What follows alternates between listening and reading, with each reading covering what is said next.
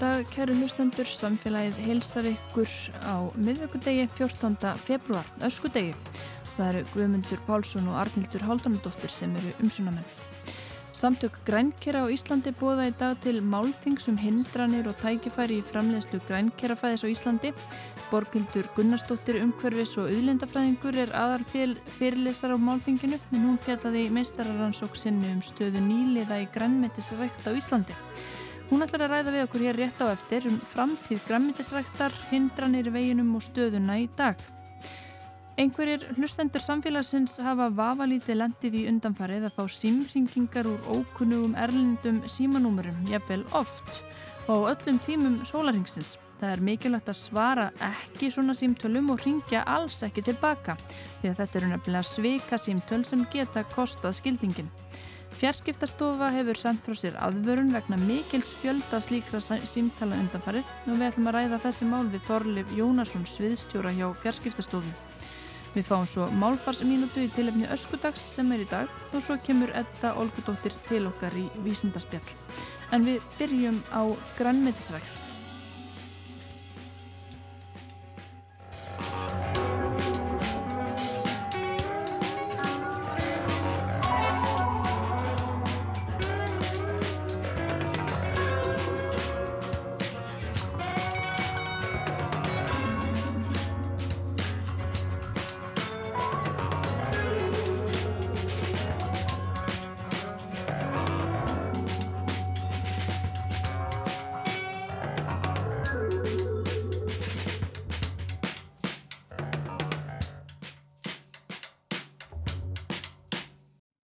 Borghildur Gunnarsdóttir umhverfis og auðrindafræðingur. Velkomin í samfélagið. Takk fyrir það. Þú ert með erendi á eftir sem þú byggir á mistararannsókniðinni og þetta er erendi, yfirskriftin er politist málþing og það var svona aðeins að fara yfir veganúar áttakið og, og ræða framtík græmyndisrættunar. Það verða þarna fulltrúar stjórnmálaflokka og, og fulltrúar úr greininni sem mm. eru í græmyndisrætt. Sko, pólitíst málþing, uh, er þetta máli eðlisínu pólitíst? Hvað við borðum? Já, það er alveg góð spurning. Uh, það er náttúrulega staðrind að pólitísk öll hafa mjög mikil áhrif á það hvað við borðum og hvað er í bóði fyrir okkur að borða. Þannig að það er kannski það sem gerir þetta pólitíst. Já, þú fjast mikil áhuga á græmitisrækt og gerðir þína meistararansókn um hana á stöðu nýliða bænda sem er að byrja og vilja leggja fyrir sig græmitisrækt nú eru nokkur ár sem hún gerir þessa rannsók hvað þrjú ár liði já, já. hvernig er staðan í dag? hvernig er fyrir fólk sem að vill fara að rækta tómata eða sveppi eða hvaða er að, að koma sér fyrir í, í því? Já, það var einmitt það sem að mér langa að komast til komast að og það er svona vildi ég gera þessa rannsók um, og uh, eins og ég, þegar ég sé hvernig þetta er í dag, ég sé í rauninni ekkert mikil, mikil mun síðan ég gerði rannsóknuna og þá var í fyrsta lagi mjög erfitt að finna nýlega, bara það var svolítið svona aðteglisvert að hérna, en ég vildi finna nýlega sem væri ekki að framlega tomatagúrkur og paprikur af því að það er í rauninni afverðunar sem að hafa verið að fá beingreislur síðastlegin ára og mjög lengi En það er enda búið að breyta því að 2020 það var bætt við beingræslum til annara afurða. En þegar ég var að taka við, við þau þá var það bara nýbúið að gerast. Og hérna og það var bara ymsar hindranir sem kom í ljós, bæði rosalega hár stopnkostnaður, hár rekstrakostnaður og svo er hérna uh, markaslutil þeirra frekar lág, hún hefur farið hérna lækandi síðustu ár, bara á 8 árum, sérst frá 2010 til 2018 þá lækka hún úr 75% í 50% til dæmis. Þannig að innflutt græmyndi er að vinna á? Já, frekar og, rætt myndi ég segja. Og er eitthvað ákveð sem skýri það? Er það bara, borgar það sér bara ekkert að rækta græmyndi á þessum kalda dimma stað sem að Íslandi er stórun hluti ársins? Já, einmitt. Uh, það er alveg spurning. Það er allavega eins og mín viðmælendur komu inn á oft var að hérna, það er svolítið erfitt fyrir þá að keppa við innflutt grammeti sem er kannski rækta í heitari löndum, þú veist það er lengri uppskritími og stundum er veist, það er læri launakostnar og, og jafnvel verða að nota þræla og mínum viðmælindum mörgum fannst svolítið ósangjant að þurfa að keppa við það sko. Og þetta er náttúrulega eitthvað sem að stjórnveld þurfa kannski að skoða sko, þú veist, eigum við að vera að borða innflutt eða, eða viljum við, viljum við kannski ebla greinina á Íslandi? Og þá þarf náttúrulega ímest þetta breytast kannski. Mm -hmm. En þú nefnir að einungis til að byrja með það voru bara þessi sem er í þessum stóru tómata, papriku, gur, gúrkuræktinni sem voru að fá beingriðslur, það er breytt núna. En hvernig ef við hugsaum um sko bara landbúnaði í, í uh, stærra samhengi og hugsaum líka um söðfjórbændur, þau, þau sem er í mm. nötgruparækt, kúabændur, hva, hvernig standa græmitisbændur í dag miða við aðra bændur? Um, sko þeir eru með miklu læri markaslutelt og það er náttúrulega svolítið út af því að dýra verður svolítið vendaðar, þú veist, það eru háir tóllar á innflutningi og svo leiðis. Já, fólki finnst örgulega skríti að kaupa mitt innflutt egg. Já, einmitt. Og markaslutöldin hjá þeim er til dæmis í kringum 90 og jafnvel 99% á meðan hjá græmyndisbændunum er, er hún dottin svona langt niður, næstu helmingur og hérna og það er miklu meiri peningur settur í í styrki til dýraverða, sérstaklega til kjötframlegenda og mjölkuframlegenda og það er náttúrulega miklu fleiri bú þar en það er líka spurning svona kannski hvernig gerðist það, þú veist, var fólk að fara þangað sem að áttuði veldur um að fá styrki eða þú veist, og það er, við þurfum kannski aðeins að skoða svona hvar áherslunar okkar eiga að liggja í framtíðinni, þú veist. Uh, Það eru margir sérfræðingar í lofslagsmálum sem að, og rannsóknir sína að, að við eigum að fara að einbita okkur meira græmiti en við höfum verið að gera, sérstaklega vestræn, á vestrænum löndum. Og það er, ég minna, ef við hugsun bara um ráðleggingar, matvæla ráðleggingar landlækningsembættisins eða allþjóða mm. heilbriðismálastofnunarinnar eða saminu þjóðana, þá er það allt í, í þá átt að, að uh, fæða úr plönduríkinni þurfi að verða stærri hluti Já. af matadísnum.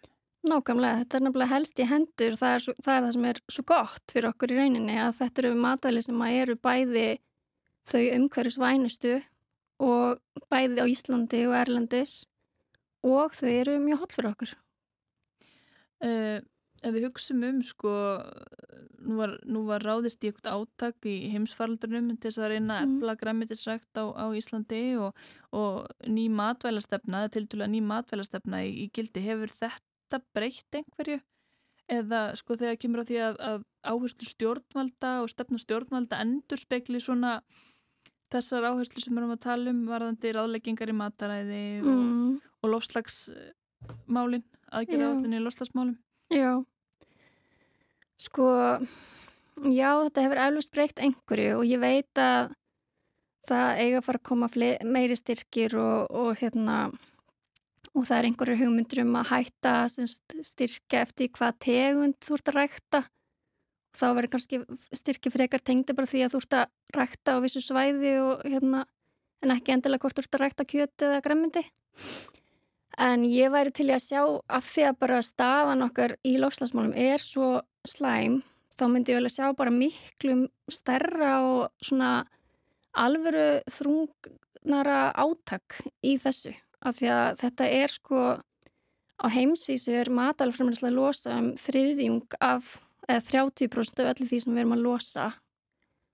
Og þetta er bara eitthvað sem við þurfum að fara í. Þetta er bara, þú veist, því miður þá er staðan svo dökk í loslasmálum að við þurfum að setja alvöru í þessi mál. Og það er ímislegt fleira sem er hægt að gera heldur en að bara setja fjármagn í greinar, þú veist, og Mér finnst svolítið gott að nefna sko hvernig Danir, hvað þeir gerðu til þess að efla lífrænarækt.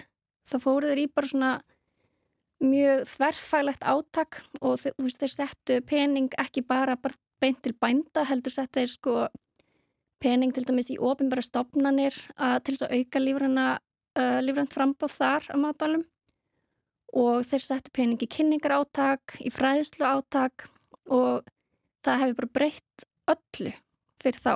Og lífræn framleyslega er búin að aukast alveg gífilega mikið síðan þetta byrjaði 2011 og ég myndi vilja sjá eitthvað svona sambarlegt hérna fyrir þú veist, okkar lofslagsvænustu matvæli, þú veist. Eitthvað svona sem að já, ekki bara sjá þetta sem að maður er svona vanur að heyra svona hugaskala að sjálfbærni og þú veist, bara fá bara loft, loftkent hérna, já, eitthvað kannski svolítið innhalslaust og bara fá tímalínu og bara hvernig á að gera þetta og hvað á að gerast og hvenar á að gerast þú veist, langtíma plan mm -hmm. og sko ef við hugsaum um, um það mataræði fólks og áhrifin á lofslægið sko er það mikið kapsmál að uh, þessa, þetta græmiti og, og uh, hráöfni í grænkjara fæði sé íslenskt að það sé ræktað hér og, og framleitt hér? Eða hva, hvaða svona rauknýða því að við, að við förum þáleiða að stórauka framleiðslu og ræktun á Íslandi? Mm. Já, það er alveg góð spurning. Þetta er kannski sko ef við ætlum að fara að setja svona eins og ég er að akkitera fyrir að setja svona mikinn kraft í, í gardirkju og matalframleyslu innan gardirkju þá Við viljum náttúrulega halda byggðum í sveitum og við viljum að fólk hafi vinnu á Íslandi og þetta er kannski bara partur af því. En svo eru Íslands, Íslands græmiti er sérstakt uh, og það er mikil gæði í því að því að við erum, eins og við veitum, með reynd vatn og við erum með, þú veist, í gæsalöpum reyna orgu og við erum með, hérna, af því að við erum í svolítið svona ákvöldum stað þá eru lítið um skortir þannig að það er lítið, lítið eitri notað Þannig að okkar vara er á mörguleiti betri.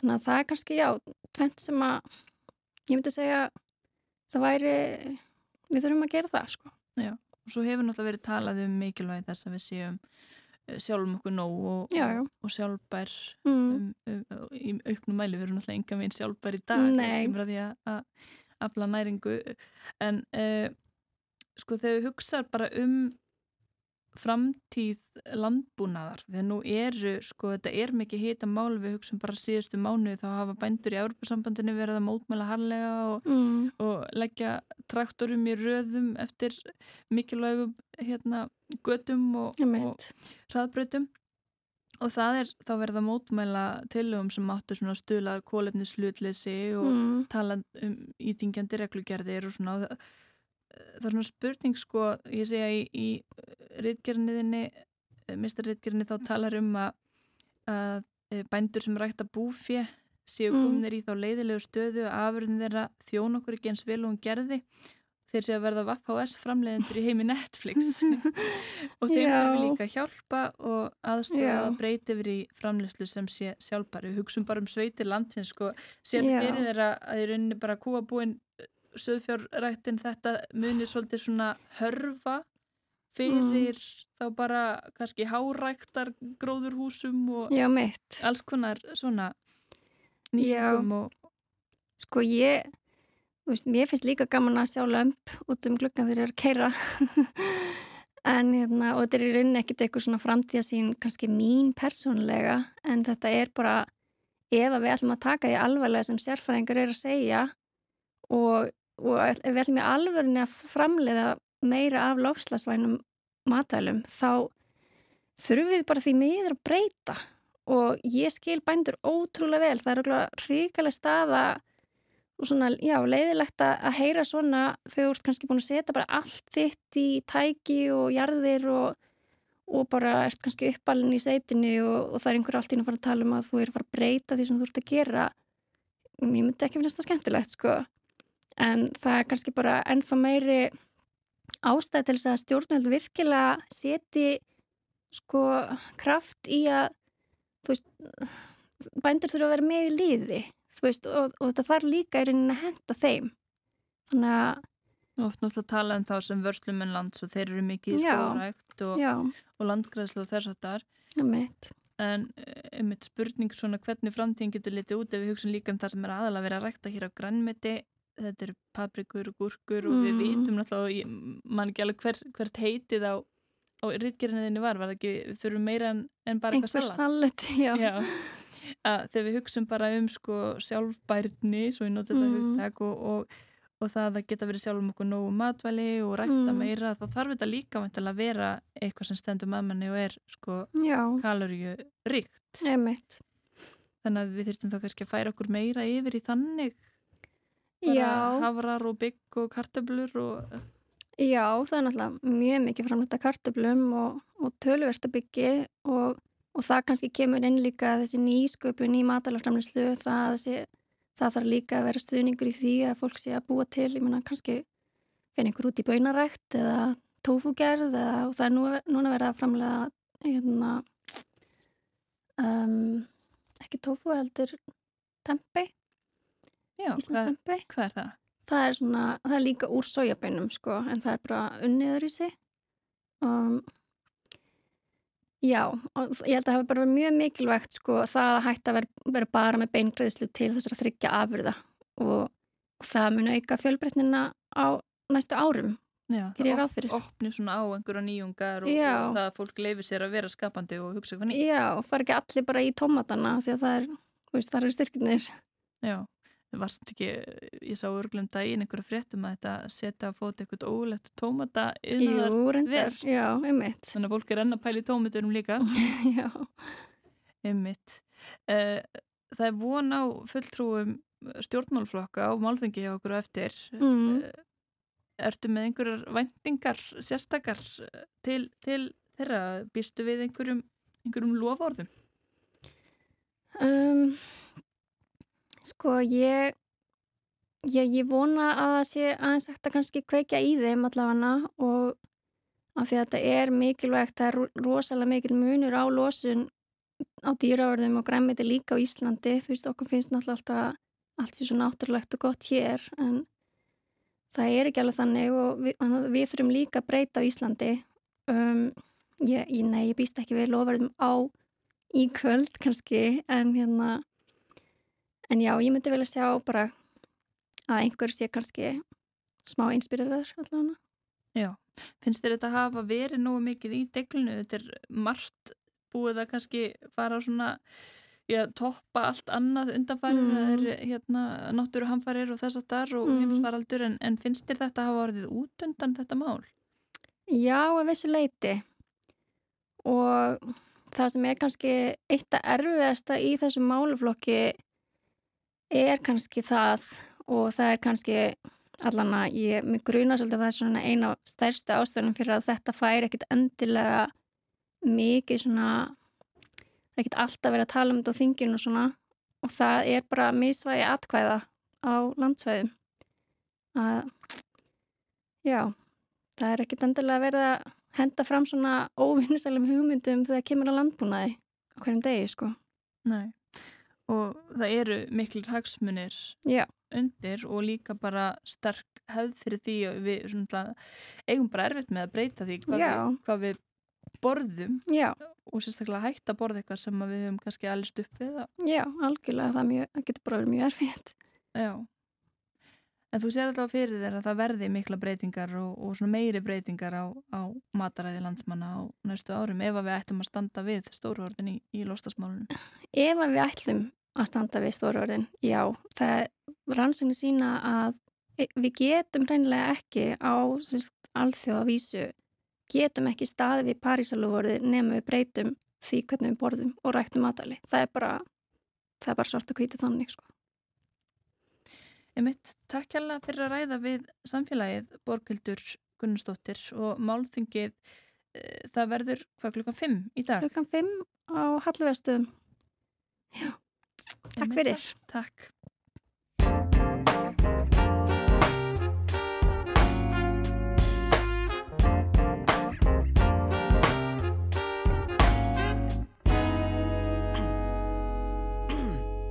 Afsakið, má ég segja nokkur orð Þó ég sé ekki vanur að draga mig fram Þá get ég látið mig hafa það Í þeim tilgangi að koma að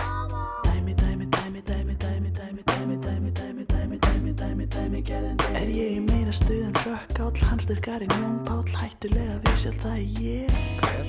Skýrnar af steingrimur, hættan af bygg, fagmannið jónust og ál. Hver er ég? Það er ég. Það frambóðið eftir spusleik, að röðið er ég fyrir stórið veik. Skýrnar af steingrimur, hættan af bygg, fagmannið jónust og ál, hrifar einhver gerðin deg marga framboðið eftir spustning að röðina upp fyrir stórleik og það er allt í góðu lægi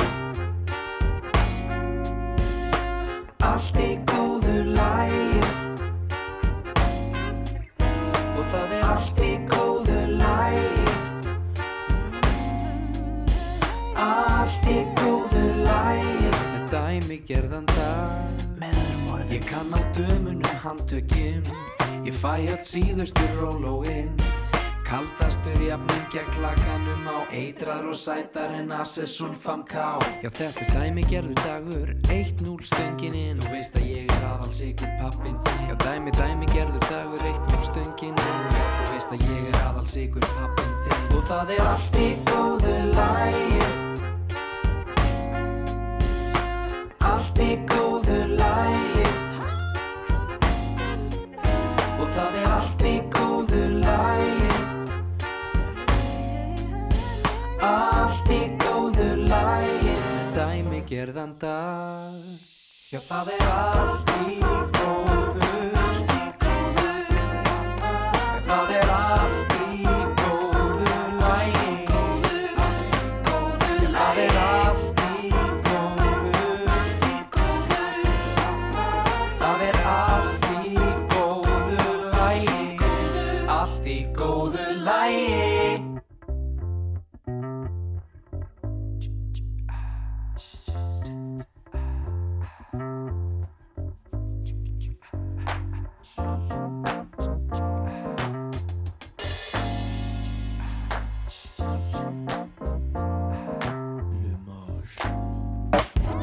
Og það er allt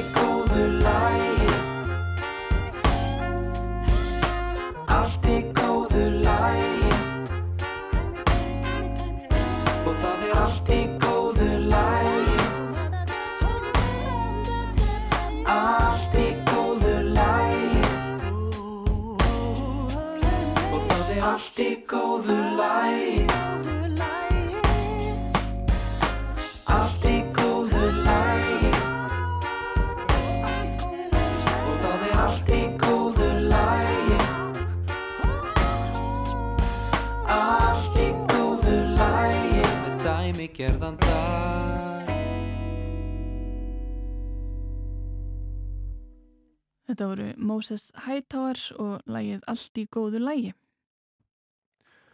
Fjarskiptastofa hefur sendt frá sér aðvörun vegna mikils fjölda svika símtala erlendis frá í þessu mánuði og það er eflust margir hlustendur sem hafa fengið slík símtöl undafarið þetta eru eh, símtöl sem koma erlendis frá sem sagt það eru uh, þessi land uh, hvað kallar maður það? Númer um, þessi svæðisnúmer sem við þekkjum sem að kannski gefa þetta kynna að, að símtölinn séu getur svika símtöl. En maður á ekki vona á símtali frá ég segjum Luxemburg eða Sri Lanka sem er algengt að, að ringt sér frá. Þá er gott að hafa varan á er okkur sagt að minnstu kosti. Þorleifur Jónasson, sviðstjóri innviðasviðs fjarskiptastofu er komin til okkur, ertu velkomin samfélagi Takk fyrir það. Er þetta einhver svona alda eh, sem er að ganga yfir okkur núna af þessum svika símtölum Já, það er alveg að segja það. Þetta kemur svolítið í svona öldum eða bylgjum. Svona herrferðir, við kallum það bara það, svika herrferðir. Og við erum núna að sjá bara síðan um helgina, erum við verið að sjá hundruðir þúsundar símtala koma, koma til landsins í þessum tilgangi að reyna að svíkja Já, 100.000 símtala á dag þá á eða? dag. Já, og hverjum degi er þess að tringt í 100.000 símanúmera já. Og, og oftast eru þetta bara vélar á bakvið sem eru að ringja. Einn ringing og síðan lagt á. Já, þetta er ekki síma at Þetta er ekki símaat, nei. Nei, þa þannig er verið að reyna að svíkja pening út úr fólki Þannig er oftast að reyna að svíkja pening út úr fólki og þá með því að, að við sem að fáum þessi símtöl, að við ringjum tilbaka í númerið. Og þá getur það verið númer sem að er gjaldfært fyrir hafa upphæðir sem að lenda á þeim sem ringir, þar að segja okkur. Já Og hvernig, hvernig þá? Af hverju er það hægt? Hvernig er það hægt? Það er bara, það er þannig í fjarskipta geiranum að, að það er gjaldfært mismöndi fyrir mismöndi númer og við ráðum því sjálf sér ekkert sjálf en svona númer sem er að ringja í þessum tilgangi eru gjaldfært þá mjög hátt. Til þess að mitt að, hala einn pening af einhverjum sagljósum sem veit ekki betur. En ef maður svarar svona símtali? Sko oft er á bakvið þetta eins og ég sagði bara vélar og þá gerist ekkit eða það er engin á bakvið símtalið. En svo geta líka verið dæmi um það að það er þá einhver sölumæður sem talar ennsku kynni sér jafnvel sem sölumæður fyrir Íslands ja, fjárfestika fyrirtæki og reynir að selja okkur einhverja, einhverja vöru og á ákveðni staði í símtalinu þá kemur að því að, við komandi vil fá kredtkort og upplýsingar það er yfirleitt það sem menn er að leita eftir Hvernig hefur sko þessi þróun verið þá undarfæran ára? Þau erum að sjá núna, þetta kemur í bylgjum segiru, en þetta er kannski óvinni stór bylgja.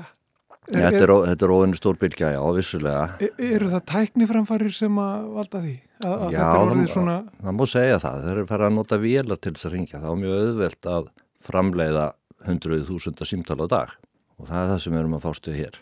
En það er náttúrulega, það eru alls konar uh, svika millur í gangi við erum búin að vera að berjast við sko, svona símtöl, við erum búin að vera að berjast við símtöl sem verða sko múr íslensku númurum sem líkjast íslensku númurum í að fjármálustofnuna en og síðan eru við náttúrulega þekkt þetta er þessi svika postar og svika SMS það sem er verið að reyna að fá því til þess að smetla á einhverja slóðir sem eru, eru þá geta verið eftirlíkingarslóðum fjármálustofnuna postflutningsfyrirtækja annar slíkra. Og alltaf er hugsunin að reyna að fá þau til þess að setja inn upplýsingar, kreddkorta upplýsingar annar slíkt. Þessi símtöl, þau koma uh, oft bara um miðanótt fólk hefur vaknað við þetta það, Já, já. Það er, það er, það er sjálfsagt sko ákveðin svona aðferð við það að ringja þegar að fólk er minna á varbergi maður er kannski líklegri til að svara símtalið þegar maður vaknar með söfni eða skoðar ekki hvað, hvað er á skjánum kannski ekki með glerögun á sér og nýsku þannig að maður mm. sér ekki hvað er, það er bara einhver að ringja en, en hérna þá, þá bara verið að nota sér veikleik og það er það sem þessir eru snillingar í hvort sem að, að það er í símtali það sem er sölumæður, mjög ítinn og klár sölumæður. Já. Eða í þessu tilviki það er að koma okkur að óvörum. Og símtalum miðjanótt maður einhvern veginn hefur það í kollinum að það hljóta að vera mikilvægt. Ykkur ringir í manna miðjanótt já, það getur verið alvarlegt. Já. En þarna gildir eins og alltaf að fara sér hægt og skoða það sem eru skjánum og ef þú átt ekki von á, á símtali frá útlöndum guðan að verðum ekki svara mm -hmm. og ekki ringið tilbaka Já, en hvaðan hvaðan koma þessi símanúmer? Hvernig, hvernig uh, vita þessir glæbamenn, skulum við segja? Uh, hvaða símanúmer á að ringi í? Uh, það er ekki allir í símaskranni, það eru ekki allir sem fá svona síntar heldur, sko. Hvaðan koma númerinn? Hvernig... Það er náttúrulega bara í okkar upplýsingarsamfélagi þá er mjög auðvelt að átta sig á því hvaða númera raðir er verið að nota. Bara með því að fara inn á jápunkturís, þú getur að sé það. Það er númer sem byrja á 620 og svo fjóri staðar er í viðbót. Og þú getur verið nokkuð vissum að það séu þá allavega þúsundir númera sem þú getur sett saman úr því og svo áfram 621 og svo, og svo framvegis. Þannig að það er nokkuð auðvöld að setja saman svona lista. Það er þá engin hvað? Það er engin óhuldur, ekki eins og nýja ég fekk, fekk símtal núna um helgina, nótt, miða nótt þannig að það er engin óhuldur og, og þú settir á þau glerun og, og kíktur síman og áttarið að þetta var strax að þetta var, þetta var sykasíntal ég, ég hef bara þá einföldu reglugumundur að ég svara ekki símtölum sem að ég kannast ekki við. Og ég sá að þetta var langt nummer og erlendnummer ég átti ekki vona á náinu símtali frá útlöndum. Og sko bara ekki svara, þú getur skoða númerið síðar eða sett á því glerun og skoðað. Og ef það er eitthvað númið sem þú kannst ekki við þá er besta reglan og það er mín regla. Ég bara svara ekki slíkum síntunum og ringi ekki tilbaka. Já. Það eru aðra leiði þá til þess að ná í mig líka. Já. sem að viðkomandi ef, að, ef að hann þekkir mig hefur. En það er, sko reglan er alltaf svo flýta sér hægt skoða vel hvað það er símanum er tölvupostnið tvang slóð sem með þeirra byrjum að smetla á. Það var slitt, farið sér hægt. Já. Færum okkur þá aðeins yfir í einmitt það sko. Það er önnur svik en, en þessi svikasímtöl. Þetta hefur líka aukist mjög mikið og þessar slóðir sem að hefur verið að senda manni um, vegna þess að, að segjum uh, þannig er ykkur ímyndaður pakki sem að mann er sagt að maður í vona og margir eiga að vona pakka. Já, já. Bara mjög margir. Bara þannig. eða þá bankiðinn vill uppfæra eitthvað upplýsingar það gerist stundum sko að bankiðinn þarf að þú ert kannski með rekstur og bankiðinn vill gera eitthvað öryggistjekk eða eitthvað svoleið sko. þannig að það er ekkit fráleitt að, fá, fá tölvupósta eða SMS um, þessar slóðir eru orðna mjög samfærandi og póstanir eru orðnir mjög bara virka eðlilegir og, og löglegi póstar. Já, já, en, en þó að séu samfærandi þá eru villur í vefslóðunum sem, sem þetta kemur frá eða er verið að byggja um að smetla á. Og þá er mikilvægt að fara með bendilin yfir og skoða vel vefslóðuna áður en smelt er. Okkur liggur ekki það mikið á að við getum ekki bara samfært okkur um það að þetta sé rétt slóð. Það er enn og aftur sem gildir flýta sér hægt. Já, og svo eru svik líka á samfélagsmiðlum. Svo líka sér samfélagsmyndu, það er rétt. Já, það eru margir sem að, að, að villást inn á rángar síður eða svika síður í, í gegnum samfélagsmiðluna oft er það oft er það vegna þess að það, það er eitthvað gott tilbúð en slíkar síður eru oftast á bakvið tilbúð sem eru of góð til að vera sönn. Mm og það er bara önnur regla sem maður þarf að hafa í huga. Já, ef að tilbúð er of gott til að vera satt ekki smella. Já, og aldrei gefa upp kreddkorta upplýsingar á slíkar vefsur eða vefsum yfir leitt eða í símtali. Fjármálastofnunni hér fara aldrei, byggja aldrei um kreddkortanúmer í korki símtali nýja á samfélagsmiðlum nýja á tölupústum eða SMS-um. þá gildir í rauninni gildir bara það að, að já, í rauninni efast alltaf um, um uh, það sem að, að manni er sendt og vera alltaf á varbergi Við, Þetta er- er þetta fer að vera svolítið flókið. því- Já, því miður, þá bara lifum við í þannig samfélagi að við þurfum að vera á varbergi og efast, eins og þú segir, Mm. vanda sig, fara sér hægt. Það er ekkert tilbúð sem að er svo gott að, að, sko, að það sé að renna út bara akkurat núna Mhm. á næstu mínutum. Er ykkur aðrar varnir? Er eitthvað annað þetta að gera til þess að verjast svona, svona svikum? Það, það er mjög erfitt að verjast því. Fjarskiptafélagin reyna eins og þau geta að, að koma í vekk fyrir svona þegar þau verða varfiða. Þegar, þegar að koma svona herfyrir eins og núna þar sem eru mörg hundru þúsund símtöl að koma, þá, þá reyna fjarskipt, fjarskiptafélagin að, að loka á slíkar seríur. Því þetta er að koma alveg eins og, alveg eins og við notum ákveðnar númera raðir, þá er þetta að koma úr ákveðin númera röðum og þá geta fjarskiptafélagin loka á slíkar aðeir eða símtöl frá slíkum númeraröðum. En þá er alltaf hægt að ná því líka að, að eitthvað fórnalamp verði sem er með alveg lögulegt númer sem er innan þeirrar númeraröðar.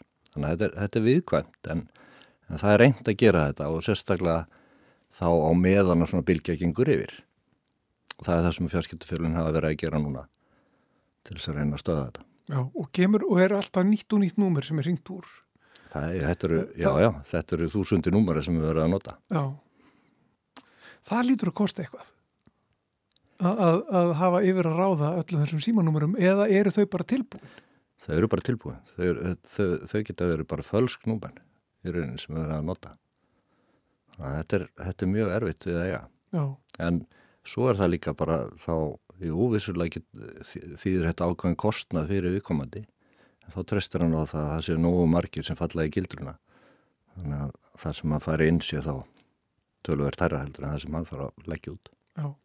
Og er fólk að lendi þessu? Að það, það er að fá háa reikninga út af þessu og það er að endar á því að borga Því miður. og er ábyrðin hjá notandanum. Því miður er það þannig, að fólk er, fólk er að falla fyrir svona löðu. Þess vegna er bara, Já, þetta er, þetta er einföld ráð sem maður notar og ég bara nota á sjálfa mig. Flýta sér hægt, ekki svara símtali úr númeri sem þú átt ekki vonu að það þekkir ekki, sérstaklega það er að koma frá útlöndum. Ekki smetla beint á slóð á þess að skoða í rauninu slóðina sjálfa, hvort á hún sé rétt og aldrei gefa upp kreitkortu upplýsingar í símtali, tölvupústi á samfélagsmiðlum. Þetta er ekkert svo marga reglu sem það þarf að tilengja sér. Mæ, einmitt. Og ef það lítur út fyrir að vera of gott til að vera satt, þá er það mjög líklega of gott til að vera satt. Þá er það líklega ekki satt. Nákvæmlega.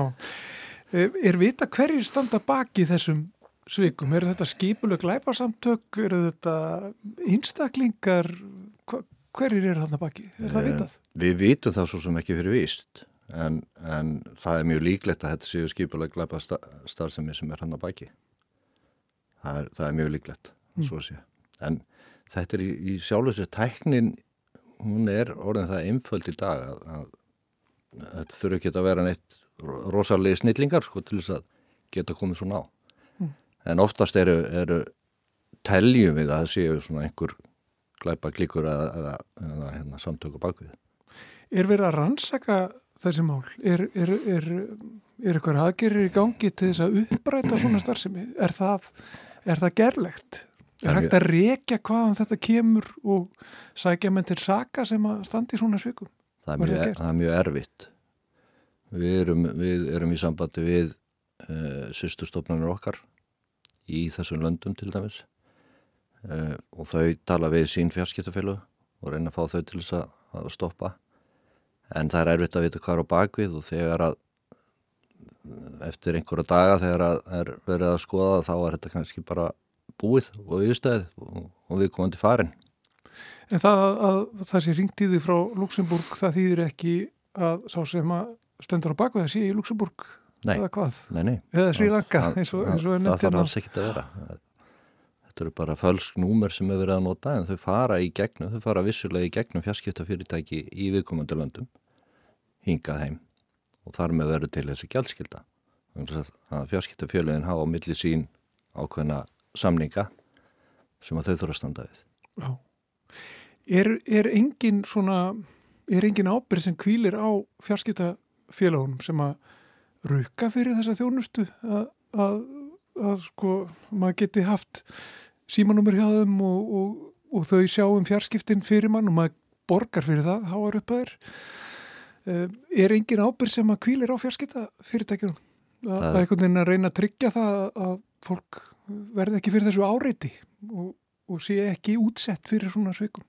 Jú, það er vissulega, vissulega er ábyrð á fjarskiptafélagunum og þau eru meðvituð um það þess að grípa þau til þeirra rástanu sem þau geta í svona tilvíkum.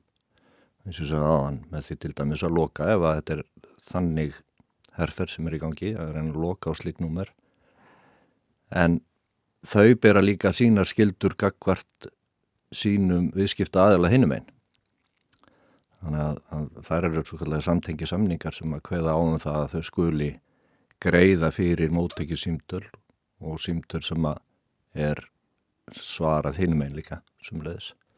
En, en, en jú, auðvitað bera félagin skildu til dæmis með því að, að bregðast við með því að upplýsa notendur ef eitthvað slittur í gangi. En það er mikilvægt líka þegar að fólk lendir í svona lögu það er að, að láta vita í svona málum þá er til dæmis lögreglan er, er, er sá aðeli sem að getur rannsakað slikt miklu betur heldur en eitthvað fjarskiptafélag eða, eða eins og fjarskiptastofa þó við getum hjálpa til. Já. Og það eru allir útsettir fyrir þessu í rauninni sko. Þetta er bara...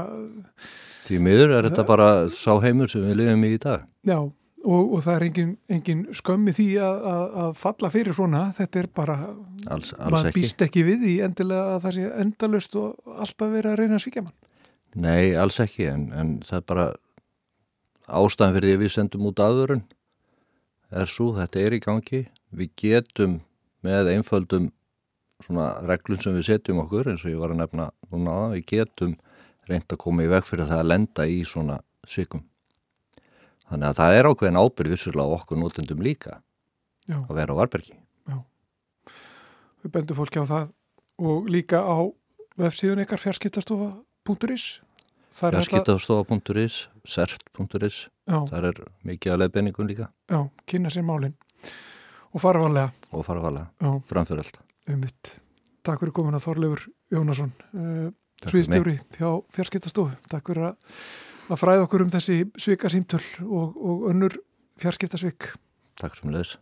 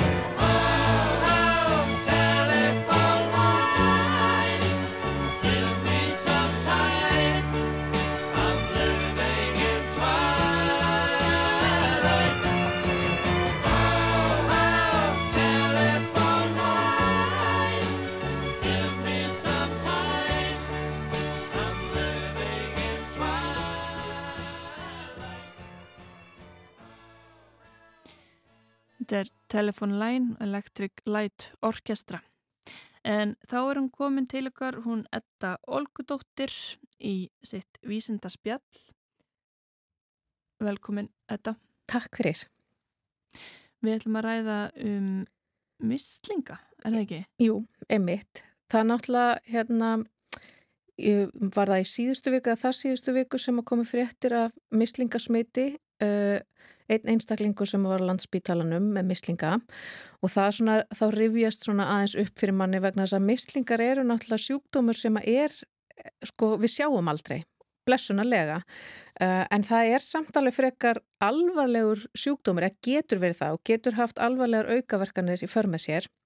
En hérna mislingar eru sem sagt veirusíking og það er veira sem að heitir Measles morbivilli morbivilli vírus sem að veldur þessum hérna sjúkdómi og hún er hérna Yfirleitt þá er þetta þannig að fólk andar að sér uh, veirunni, uh, þetta smittar sennst í gegnum öndunafæri og þá er sennst kannski ykkur sem er hérna, smittaður í kringumann, hóstar út í loftið og, hérna, og þá get ég anda því að mér. Og þegar að veiran er komin inn í líkamann hjá mér, þá leitar hún sér hérna í öndunafærunum að frumum sem að eru tilhera ónæmiskerfinu og eru með viðtaka á, eða prótín á yfirborðinu sem að heitir SLAM F1 prótín. Og hérna, ég kynnti mér ekkert sérstaklega hvað þetta prótín gerir en, en veiran, hún nýtir þetta prótín til þess að krækja í með öðru prótín sem hún er með á sínum hjúp sem að heitir hemaglútimín glútínín uh, og það krækir hún sem sagt saman sjálfur í sér við frumuna og það kemur annað prótín að frá uh, veirunni sem heitir membrane fusion prótín og það, það prótín opnar frumuhimnar okkar og leifir hjúpnum á frumunni svona að renna saman við þannig að veiran kemst inn í hérna, okkar frumur. Og þessi veira, hún, hérna, erðaefnið sem að hún ber með sér er ekki DNA eins og við erum með, heldur er hún með hérna, einþátt að RNA. Mm.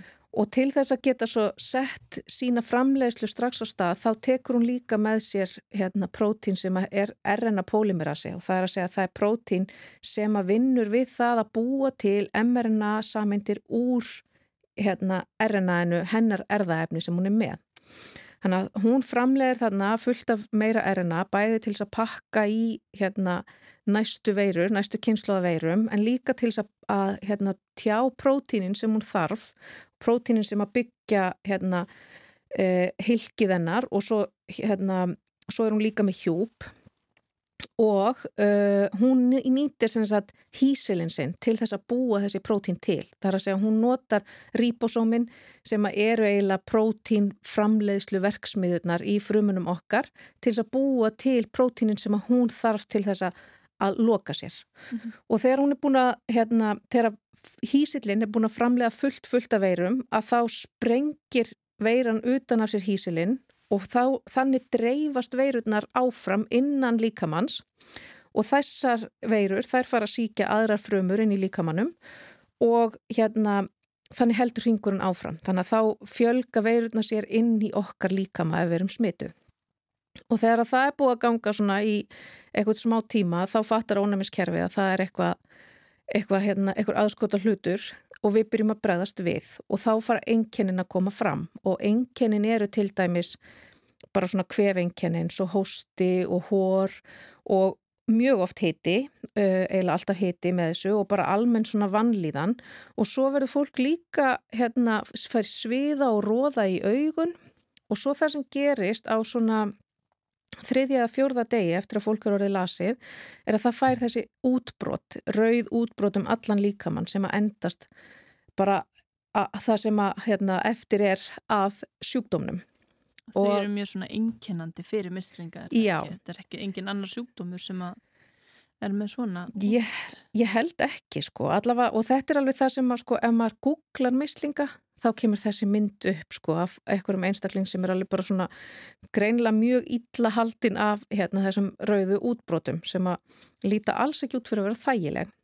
En svo vegna þess að, að hérna, þessi veiri er að ráða svona á ónæmiskerfið að þá er alveg þokkalega algengt að það spretti upp eða komi hérna í kjölfarið eitthvað svona auka sjúkdómar og hérna og þegar ég segi algengt þá er ég að meina að það er kannski 5 til 10% þeirra sem að smitast, sem að er alveg svolítið mikið, þau finna fyrir enginum eins og hérna, magaenginum eins og niðugangi eða uppköstum og lúnabólka er, er mjög, eða svona frekar algeng eirnabólka og heilahimnubólka og svo er líka bara nokkuð algengt, uh, algeng aukaverkun að fólk hefna verður fyrir eitthvað svona sjónskerðingu. Og ein enn aukaverkun sem er reyndar frekar sjálfgef, það er eitthvað svona gerð af heilabólku og, og hérna þá í raun og veru bara vissnar taugakerfið smám saman eftir mislingasmitt. Það er reyni bannvænt þá eða hvað? Ef, ef þú færði þess að heilabólgu? Já, Já, það er mjög góð um spurning. um þessa heilabólgu, þetta heiti innliksu heilabólgu. Já, einmitt og hún þá væntanlega dregur mann til dauða eftir eitthvað tíma einmitt og hún er náttúrulega sko þetta gerist oft bara löngu eftir þá hérna fólk jafnar sig af sko mislingunum en svo er heilabólgan að vinna bara í langan tíma eftir smitið og hérna algengasta orsökin fyrir því samt að fólk deyra völdum mislinga er af því að það fær lungnabólgu. Það er algengasta hérna, dánarorsökin og uh, dánartíðni af völdum mislinga, mislinga er eiginlega bara ágæðlega algeng svona hérna hjá sko fátækari ríkjum, kannski ríkjum sem að hafa ekki mjög góð innviði og mjög góða heilbreyðstjónustu uh, en hún er svona heimsvísu 0,1 til 0,2% og það kannski hljómar ekkert mjög hérna mikið en það er náttúrulega svolítið mikið með við það að við getum komið í vekk fyrir það allt saman. Já, og með bólusetningu. Með bólusetningu. Hverjum þúsund, eitt á hverjum þúsund. Já, það, það er það nefnilega og hjá sko fátækari ríkjum að þá getur þetta alveg verið upp í 1-2% vegna þess að við sjáum að hérna á Íslandi að þar er dánatína og veldum mislinga í raun og veru 0%. Þannig að það er hérna og líka bara því við sjáum þetta svo rosalega sjaldan. Þannig að það er alveg til mikils að vinna að hérna, bólusetja gegn mislingum og það er í raun og veru uh, svona besta vörnin vegna þess að þegar að sjúkdómurinn er komin til, er, hérna, þegar smiti er komið að þá er hérna þá er í raun og veru bara verið að hlúa að fólki, meðferðin er ekki livjögjöf gegn mislingunum sjálfum. Það er ekki verið að ráðast gegn veirunni sjálfri, heldur bara verið að reyna og ekkit bara, það náttúrulega hefur hérna gefur góða raun en það er verið að hjálpa fólki að berjast við síkinguna og til dæmis fær fólk oft fyrirbyggjandi síklarleitt til að koma í veg fyrir lúnabólgu eða eirnabólgu eða eitthvað slíkt. Og svo þar að auki fyrir utan að, að, að bólusetningar geta komið í veg fyrir smitið og, og, hérna, og allar þessar aukaverkanir að þá hafa eh, eitthvað rannsóknir gefið vísbendingar um að mislingasmitt hafi til lengri tíma neikvæð áhrif á ónæmiskerfið. Vegna þess að það hérna, ræðst á ónæmiskerfið og þær frumur þær byrja að, drepast. Og þegar við fáum eitthvað síkingu að þá hérna, fer minnið í ónæmiskerfin að skrá já þetta við þekkjum þennan síkil ef hann kemur aftur þá hérna, getum við ráðist á hann. Og þegar mislingarnir ráðast svona á ónæmiskerfið þá deyja margar af þessum frumum sem að í raun og veru geima þetta minni og þar að leiðandi eftir mislingasmitið að þá verður ónæmiskerfið eða, eða minnið í því eiginlega svolítið gödótt. Þannig að við þekkjum ekkit alla síkla aftur sem að koma til og síkja okkur. Þannig að við erum í raun og veru útsettari fyrir síkingum eftir á. En við sagt, nýtum okkur bólusetningar til þess að koma í veg fyrir þetta og það hefur verið gert alveg síðan 1960 þá kom fyrsta eh, bóluefni gegn mislingum á markað og hér á landi að þá hefur verið bólusett eh, við mislingum síðan 1976 ef mann rétt. Og það er yfirleitt hérna, bólusetningin er gefin í þessari hérna, samsuðu þryggja veira, það er MMR bólusetningin. Og þá er verið að bólusetja gegn sko mislingum, uh, rauðum hundum og hettusótt, já, mm -hmm. það er þessi þrý sem að koma hana saman. Og það er yfirleitt gert þarna um átjónmána aldurinn og svo fá íslensk börn aftur búst e, þegar þau eru 12 ára. Og það er mjög mikilvægt einmitt þegar að koma upp svona mislingasmit í samfélaginu að börn séu svolítið venduð vegna þess að þau fá ekki bólusetningu fyrir þau eru orðin eins og hálsás sem er náttúrulega, þá eru þau orðin svona þokkalega stálpuð með við, með við margt en þau eru mjög útsett fyrir því að fá einmitt allar þessar aukaverkanir og á heimsvísu þá er um það byrj 100.000 mann sem að deyja að völda mislinga á ári og þar er meiri hlutin börn undir 5 ára aldri. Já. Þannig að eru til þess að mjög... fólk geti farið út með börnin sín og, og hérna, tekið þátt í lífinu þá hérna, er mikilvægt að samfélagið sé með vernd að Já. þetta hérða ónæmi. Já, og það er nefnitt mjög mikilvægt að það séu þá allir bólusettir þannig að við séum að, að það séu minni líkur á því að smit sem að kemur upp geti borist áfram á milli manna og mislingaveiran, hún er rosalega mikið smitandi, hún er með mjög háan smittstöður og það er talað um sko að af hverjum tíu sem eru útsettir að þá munu nýju mann smitast, þannig að hún er mjög skæð. Og þar af leiðandi þá er sko til þess að ná hjarðónaminu þá er rosa mikilvægt að bólusetningar hlutfalli sé mjög hátt. Og fyrir mislinga er talað um að það þurfa að vera 95%. Þannig að það er, við, okkur ber í raun og veru samfélagslega skilda til þess að passa upp á hýna sem að kannski get ekki fengið bólusetningu eða hafi ekki fengið hana nú þegar með því að, að vera bólusett og passa þannig upp á smiti berist ekki áfram. Einmitt það, takk fyrir þetta, þetta Olgudóttir, það er ein rúsina í pilsuendanum með þessum þætti, það er málfarsminutar sem ég glemdi á þann og við ætlum að, við ætlum að senda hann út.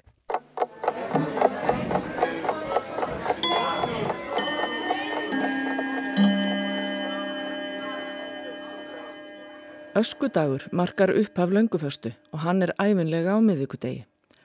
Hann má reykja aftur til katholsk siðar á Íslandi og munu eldstu heimildir um þetta heiti vera frá 14. öld. Dagurinn dregur napsitt af því að ösku var dreift yfir höfuðkirkjugjasta eða smurt á enni þeirra. Lengi tíðgæðist að lauma öskupoka á bakið á fólki en það hefur að mestu lagst af. Á síðustu áratugum hefur gleði barna sem áður var á bolludegi færst á öskudag. Það byrjaði á Akureyri og breytist svo um landið. Þar með má segja að tengingin við yðrun og yfirbót á þessum degi hafi rofnað. Háttíðahöldum á öskudag má líka við kjötkveðju háttíðir í katólskum löndum en þær eru aftur á móti haldnar áður en fastan hefst.